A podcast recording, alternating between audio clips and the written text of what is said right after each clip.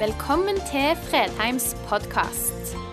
For mer informasjon og ressurser, besøk oss på fredheimarena.no, eller finn oss på Facebook.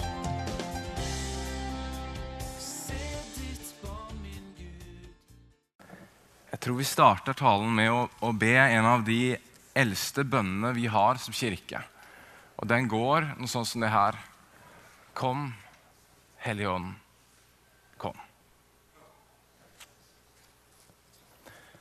Og så vil jeg stille et spørsmål. Hvordan oppleves det, hvordan oppleves det for deg å være en kristen? Hvordan oppleves troen din? Er den spennende? Er det et spennende liv du lever med Gud? Eller er det et mindre spennende liv du lever med Gud? Overhodet ikke spennende. Eller har det blitt et pliktløp? Jeg, jeg spør deg ikke nå om livet ditt er spennende. Jeg spør om livet ditt med Gud. Det er mennesker som helt sin kirkebegynnelse har nærmest låst seg inn på rom, rom. Og de sitter der og de lever det mest meningsfulle livet de kan ha. Fordi de opplever det så meningsfullt å få lov å dele livet med Gud. Du skjønner, hvis, er, hvis det er sånn at livet vårt ikke oppleves meningsfylt med Gud, at ikke troen oppleves meningsfullt, ja, så begynner vi å lage andre ting som skal få det spennende.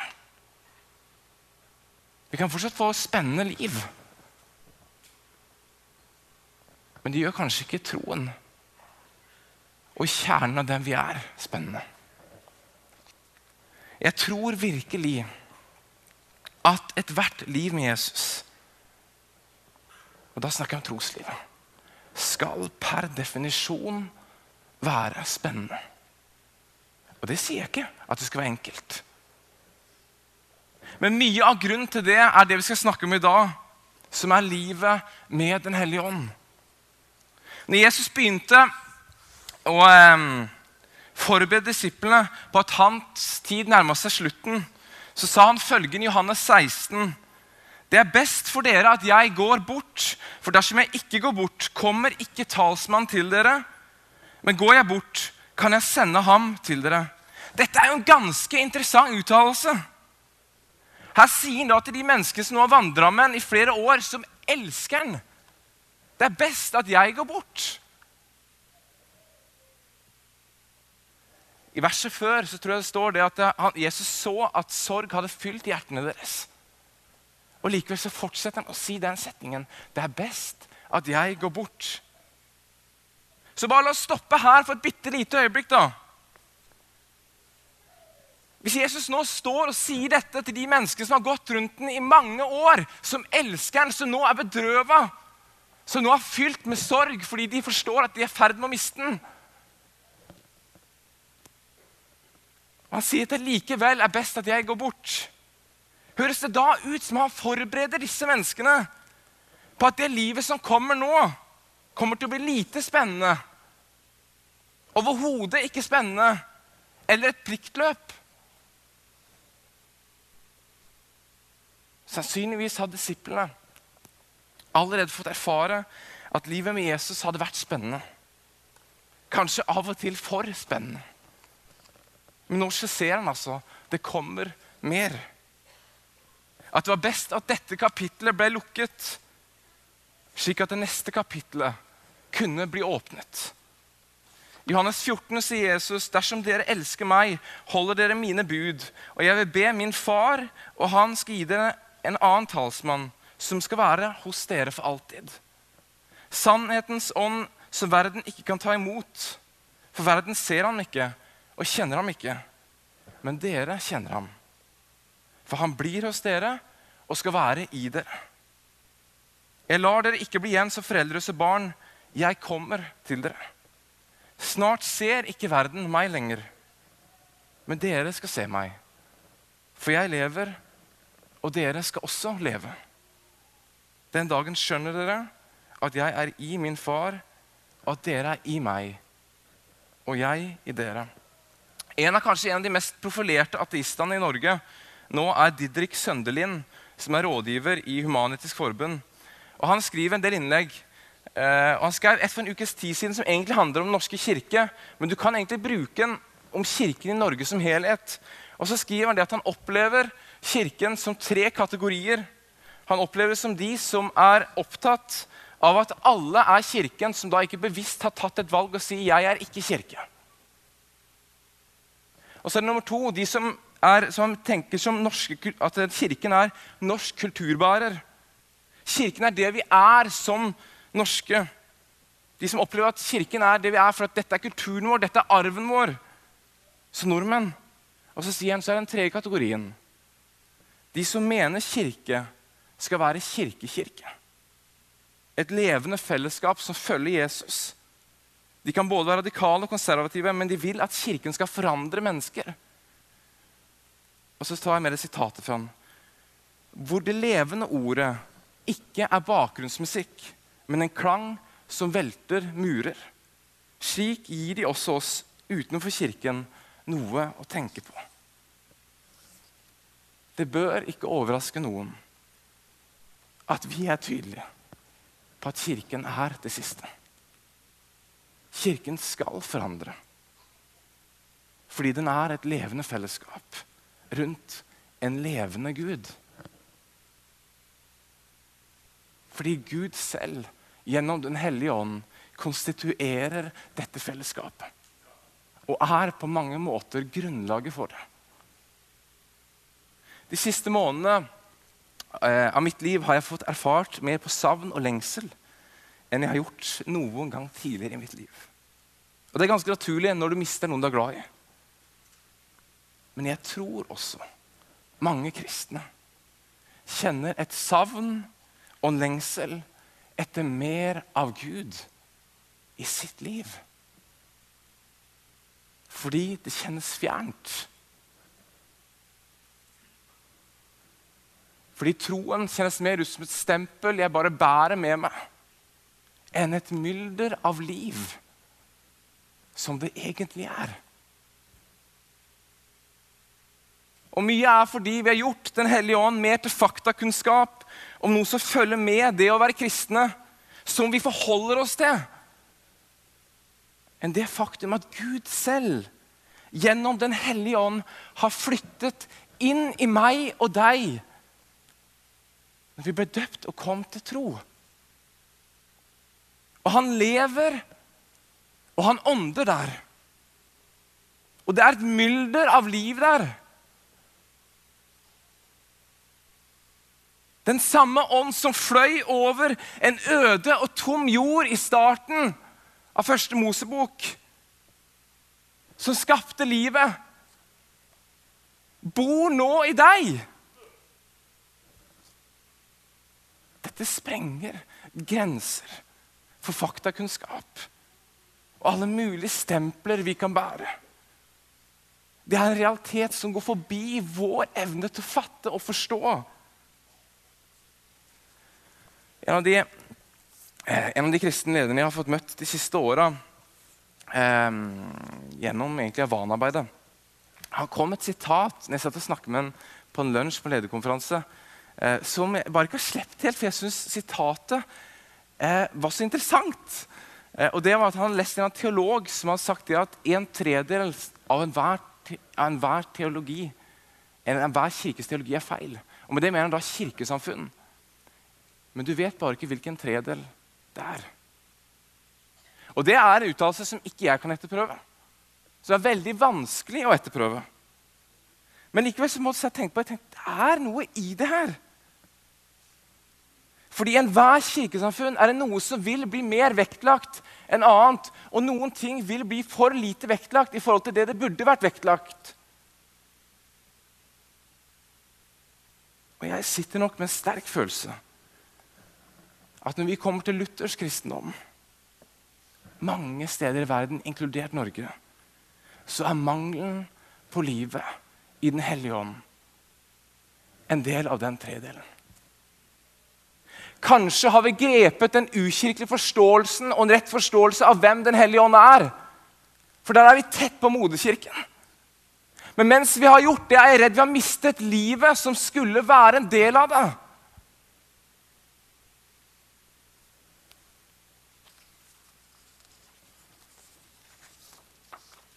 Siden kirkens begynnelse finner vi ulike kirkefedre, apostler, som forsto at uten Den hellige ånd så blir Gud fjern for oss. Jesus av Nasaret blir bare en gåtefull figur og Bibelen bare til en tekst. Men Den hellige ånd forandrer alt det. Åpner opp dette til å bli liv.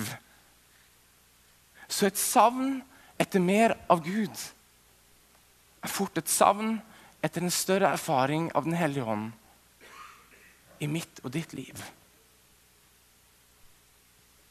Hvis vi går inn i Johannes 16 igjen, så beskriver Jesus der Den hellige ånd sin oppgave primært til det å vise hva synd er, hva rettferdighet er, hva dom er.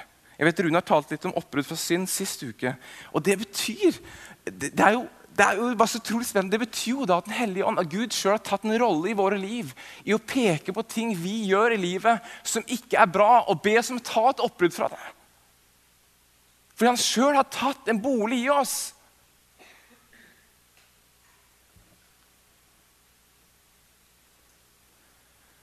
Og så går han videre. Og Så sier han ennå har jeg mye å si dere, men dere kan ikke bære det nå. Og så kommer vi til første pinsedag. Og disiplene hadde mer i vente. Ånden ble synlig gjennom både gave, under, tegn, mirakler, ledelser, innskytelser, latter, tunger av ild, nye språk. Og det er akkurat som om det åpner seg et nytt rom for kirken. Noe hadde jo allerede vært der, ikke sant? for disiplene hadde jo sett dette rundt Jesus. Det er noe akkurat som den døra bare står på vidt gap. Og alle får del i det. Og plutselig var det mennesker som ingen trodde skulle få del i det. Hedningene som òg plutselig får del i det. Og så har jeg av og til stilt meg det spørsmålet ville vi tålt de samme uttrykkene i dag i vår kirke? Eller ville vi stemplet det som svevende? Som noen rare greier? Men faktum er at det var slik ånden falt over den første menigheten.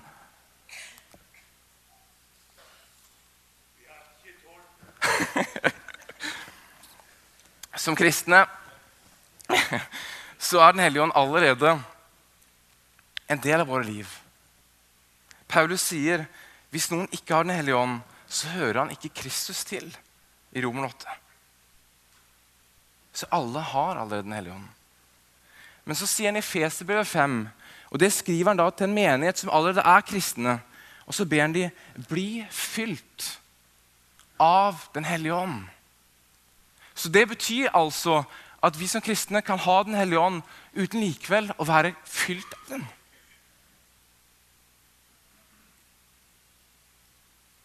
Så hvordan kan den berøringen se ut når Den hellige ånd kommer over oss? Jeg har med et filmklipp i dag. Og som dere vet, så ikke jeg, har ikke jeg en tendens Jeg liker å plukke litt sånn stemmer som er litt annerledes. Og Han dere skal få møte her nå i dag, det er engelsk, jeg håper flesteparten får med seg, er um, Han er ikke overraskende tatt ut fra Vatikanet, han her òg. Uh, eh, det er rett og slett den personlige forkynneren til paven. Så du forventer jo ikke så mye karismatikk. Men han her, han er ikke tam. Se klippet. Whatever the Holy Spirit touches, the Holy Spirit changes. So it is normal that uh, experiencing the Holy Spirit will will bring some changes, even uh, in our feelings, in our emotions, in our uh, way of expressing ourselves.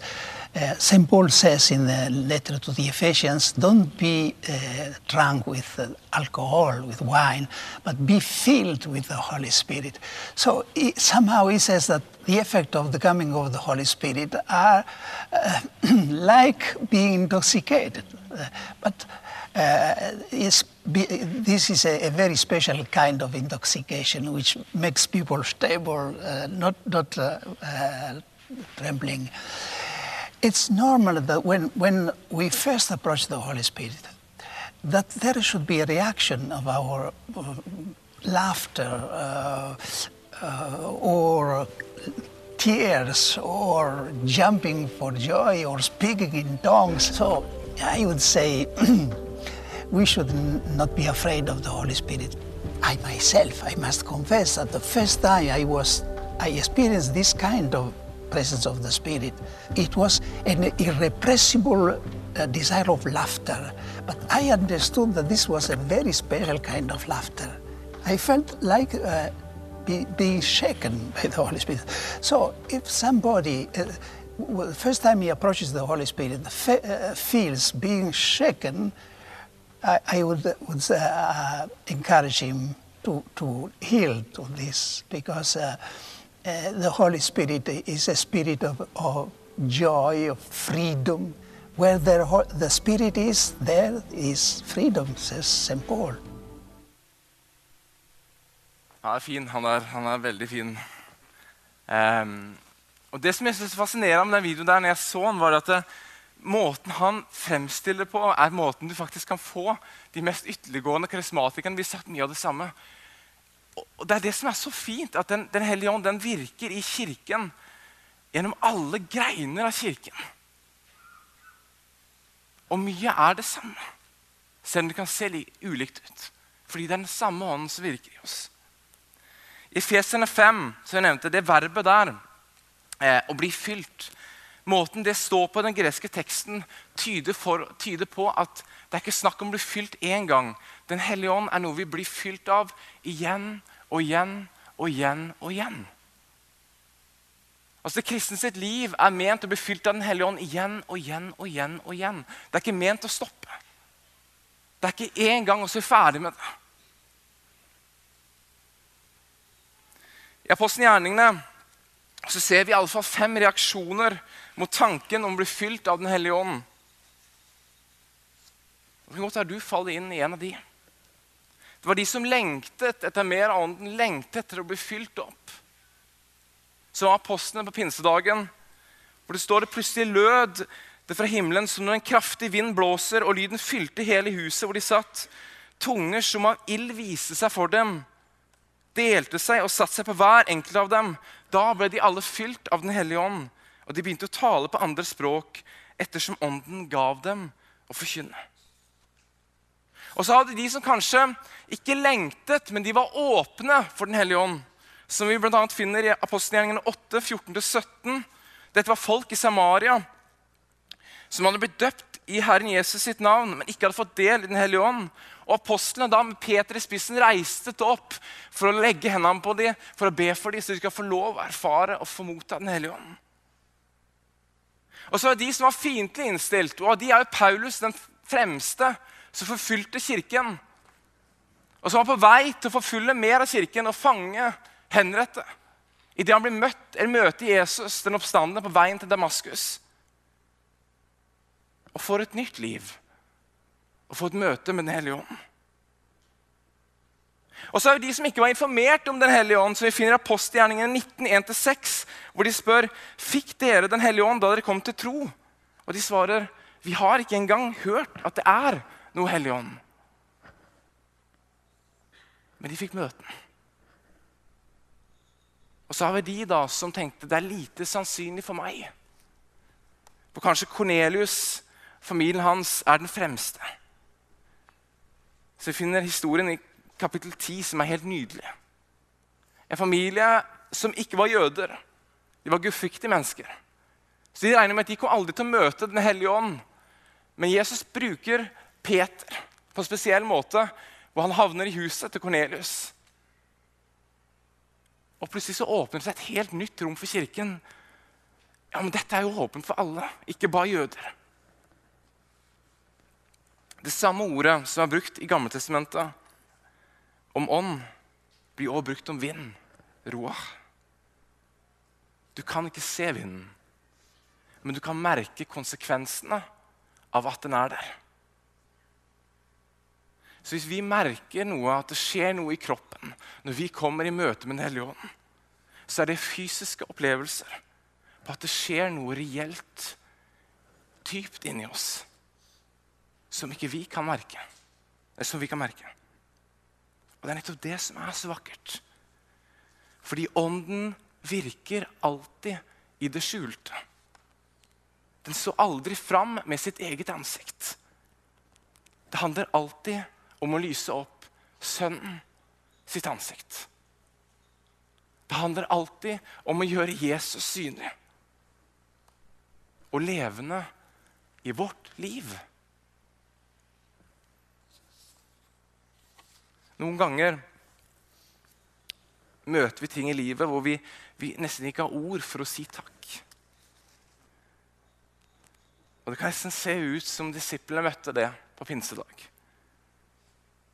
Og at, Jesus, at Gud bare overøste dem med et nytt språk, tungetalen. Og de bare kunne få lov å tale fritt ut til Gud uten å sjøl ane hva de snakka om. Han møtte dem med nådegaver, gaver han utrustet hver enkelt med som kristne. Til å bygge opp menigheten. Han møtte dem med en inderlig kjærlighet til Gud. Frimodighet, språk de ikke kunne fra før av. På det tidspunktet her i talen min så lå det nå så mye bøker på pulten min. Det var så mye nettsider oppe. Jeg måtte bare sette tilbake Gud, hvor, hvor skal jeg dra dette her hen? For jeg ser at dette tematikken her er så svær at å få presse det her ned i 30 minutter er jo klin umulig. Så lander jeg på å gå tilbake til det som er grunnen til at jeg opplevde at jeg skulle ta, avslutte serien med dette temaet. Og det er det første spørsmålet jeg stilte dere. Opplever du at livet med Gud er spennende? Eller lengter du etter mer av ham? At troen kan gå ifra å bli et stempel som vi bare bærer på oss, at vi er kristne, til å bli den mest spennende reisen du noen gang har tatt. Jeg har aldri vært en person med mye motor for livet mitt. Men jeg lurer på om jeg er i ferd med å få et som vokser sterkere og sterkere fram. Og det er at troen er den mest spennende reisen vi kan ta med våre liv. Og Det betyr ikke at alt er uproblematisk, at alt er lett eller at alt er godt. Men det er så enormt spennende. Hvis Gud hadde hatt bolig i min og din kropp og ønsker å ha med meg å gjøre hvert sekund av det døgnet jeg lever Jeg håper jeg lever mer døgn, for så vidt, men så hva gjør det med livet mitt? Det kan jo ikke bli mer spennende da enn å få lov å være med på den reisen. Få lov å gå med han. Få å oppleve hvordan han kommer til å lede meg i hverdagen. Og mange ganger kommer jeg til å snuble. Jeg løpte forbi en mann her om dagen hvor jeg fikk det for meg at jeg skulle løpe her, nei, rope 'Herren velsigne. Det gjorde jeg ikke. Jeg turte ikke. Jeg vet ikke om det var Gud eller, eller meg sjøl. Jeg var usikker. Men egentlig tror jeg det var Gud, og at jeg ikke turte. Men, men bare tenk på alle mulighetene. Hvis vi åpner opp den døren i livet vårt For troen er spennende. Dette livet med Gud er spennende. Og hvis det ikke oppleves som det, så tror jeg Gud ønsker å åpne noen dører for oss. Og igjen, Det betyr ikke at alt blir lett, for det er ikke det som er poenget. Men det betyr at livet med Gud er spennende både i motgang og i medgang.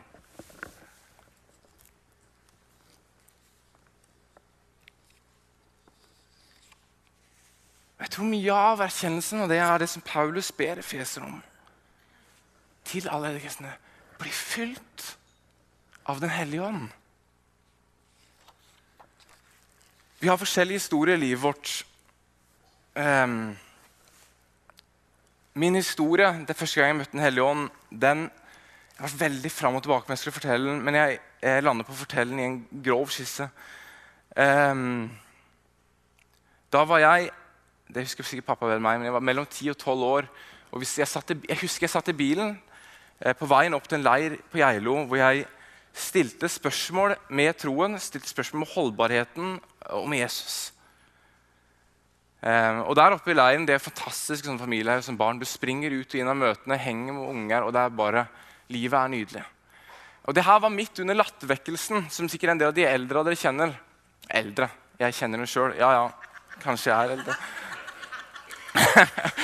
uh, men det var på 90-tallet iallfall. Um, og det skjedde jo mye på de møtene. Folk gikk i bakken, lo og grein. Og jeg, jeg ble aldri redd av det, men jeg husker alltid at jeg syntes det var rart. Eh, og En dag der så det, var jeg vei, fant jeg meg på vei fram til scenen. Jeg hadde ikke noen tanker om hva det kom til å innebære. Eh, men jeg tenkte dette her, hva er dette? Det var sånn nysgjerrighet. Eh, og på den tidspunktet der så um, endte jeg opp med å gå i bakken. Eh, og, da var jeg ganske liten. Eh, det kan tenke selv Hvis dere unge på 11, har unge på 11-12 år, og den plutselig ligger der, eh, begynner å riste, begynner å gråte, le begynner å snakke riksmål, som pappa jeg gjorde. Og det hadde jo jeg ikke anelse hva riksmål var når jeg var 11. Og for meg må jeg si at den episoden der var nok ikke skremmende. Det kan godt være den var skremmende for mamma og pappa. det vet jeg ikke. Eh, men når jeg ser tilbake på den måten, den opplevelsen jeg hadde med Gud den gangen, så sier jeg at det står tilbake som en av de punktene i livet mitt som jeg kan gå tilbake på. En av de punktene hvor jeg møtte Gud, hvor jeg fikk oppleve for første gang han virkelig fylt meg. Og så vil jeg si en ting nå. Og Det var grunnen til jeg vurderte å ikke si den. For dette her handler aldri om manifestasjoner. Det var mitt møte med Gud. Men jeg tror det møtet blei så hardt eller på en måte at det ble på den måten, fordi jeg allerede var et punkt hvor jeg stilte så mye spørsmål. At Gud var nødt til å møte meg på en veldig tydelig måte for at jeg skulle tro. For mange andre er det ikke sånn. Det går stille i dørene, og Gud trer inn, og han fyller livet vårt med kjærlighet. På helt andre måter. Jeg tror Dette er hva jeg tror, for jeg snakker mye med vennene mine om det, for vi har jo forskjellige erfaringer. Så jeg har sagt, jeg tror ofte han gir oss ut ifra hva vi trenger. Og jeg trengte dette. For jeg var på et punkt eh, hvor jeg allerede hadde blitt veldig veldig spørrende til hvem er du, Gud? Hvordan kan jeg vite at du finnes? For noen kan dette være skremmende. Noen vil sikkert tenke at jeg er mentalt syk. Det kan jeg leve fint med.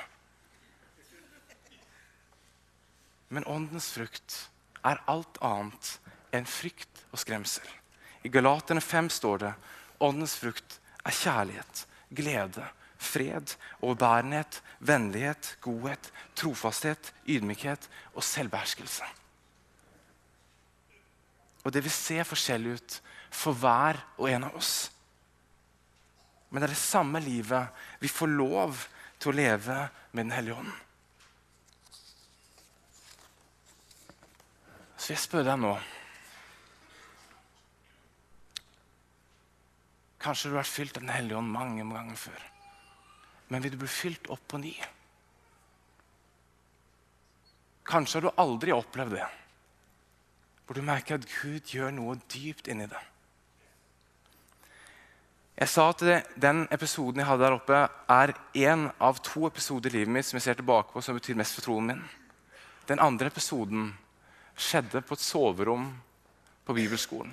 Da skjedde det ingenting fysisk. Men jeg husker det var første gang jeg snubla fram de ordene. Gud, din vilje skje med mitt liv. Og det skjedde ingenting, men jeg merker jo at dypt nede i kroppen min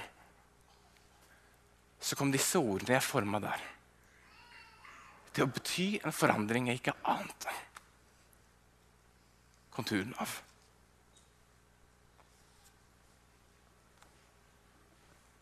Det er rart med disse milepælene i troen og i livet. Hvordan du husker, du husker hvordan lyset var. Du husker hvilken retning du så, du husker akkurat hvor du var. Og så grep Gud inn. Enten det skjedde stille eller voldsomt. Så vil du bli fylt av Den hellige ånd. Enten det skjer på nytt i dag, eller at du aldri egentlig har opplevd det når han får lov å komme over det.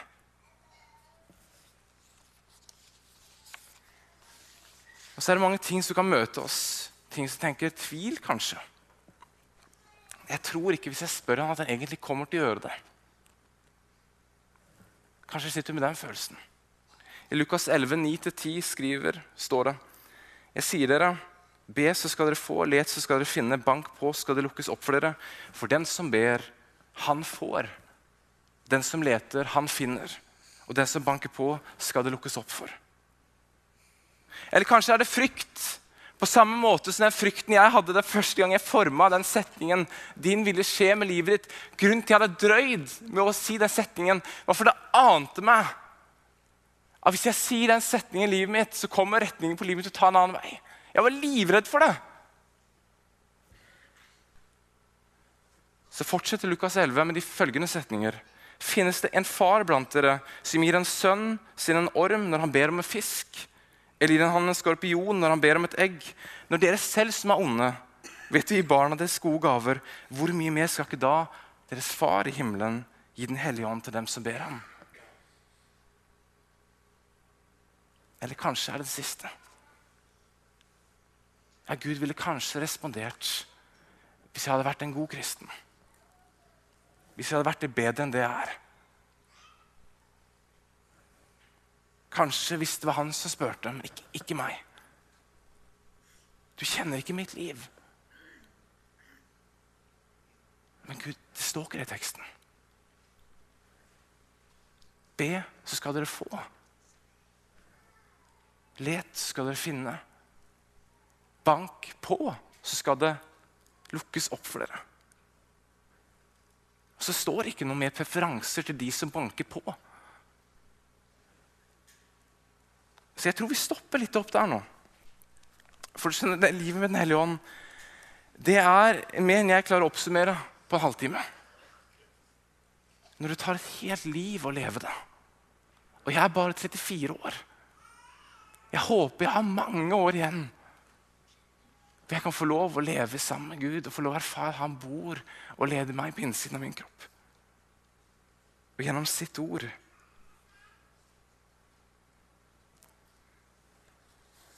Og Hvis du vil vite mer hvordan det ser ut, så anbefaler jeg å åpne opp apostlenes gjerninger. Se når Den hellige ånd falt over menigheten. Se hva som skjedde. Bla deg videre i brevene og les hva som skjer. Og så vil jeg heller invitere deg nå, enten du har erfaringer før av å bli fylt av Den hellige ånd eller ikke, til å være med på en av de eldste bønnene vi har som kirke. Kom, Hellige Ånd, kom. Og så kan han være han kom med sine gaver. Kan han komme med tonner, inderhet, kjærlighet. Og Etterpå så vil vi ha bønnestasjoner. En her og to bak. Og så kan dere komme hvis du kjenner at livet mitt jeg skulle ønske jeg så mer av deg, Gud. livet mitt. Jeg skulle ønske jeg opplevde mer av din ledelse. Jeg skulle ønske jeg opplevde mer av din kjærlighet. Eller inderlighet. Så legger du fra deg alle tankene om at 'nei, ikke jeg, ikke meg'. Og Bare la folk få lov å legge hendene på deg og be den bønnen over deg hvis du ønsker det. Og Hvis du har lengsler etter gaver, vet du hvilke nådegaver det er, så si det. La de få lov å be for deg. Og så er det ingenting vi kan gjøre for å presse noe fram. Det er så for Den hellige ånd som virker.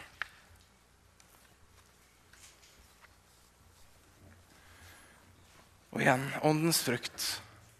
Kjærlighet, glede, fred, overbærenhet, vennlighet, godhet, trofasthet, ydmykhet og selvbeherskelse. Det er egentlig ingenting å frykte.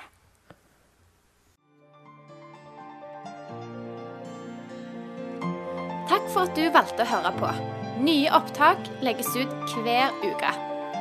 Vi har gudstjenester hver helg, og du er hjertelig velkommen.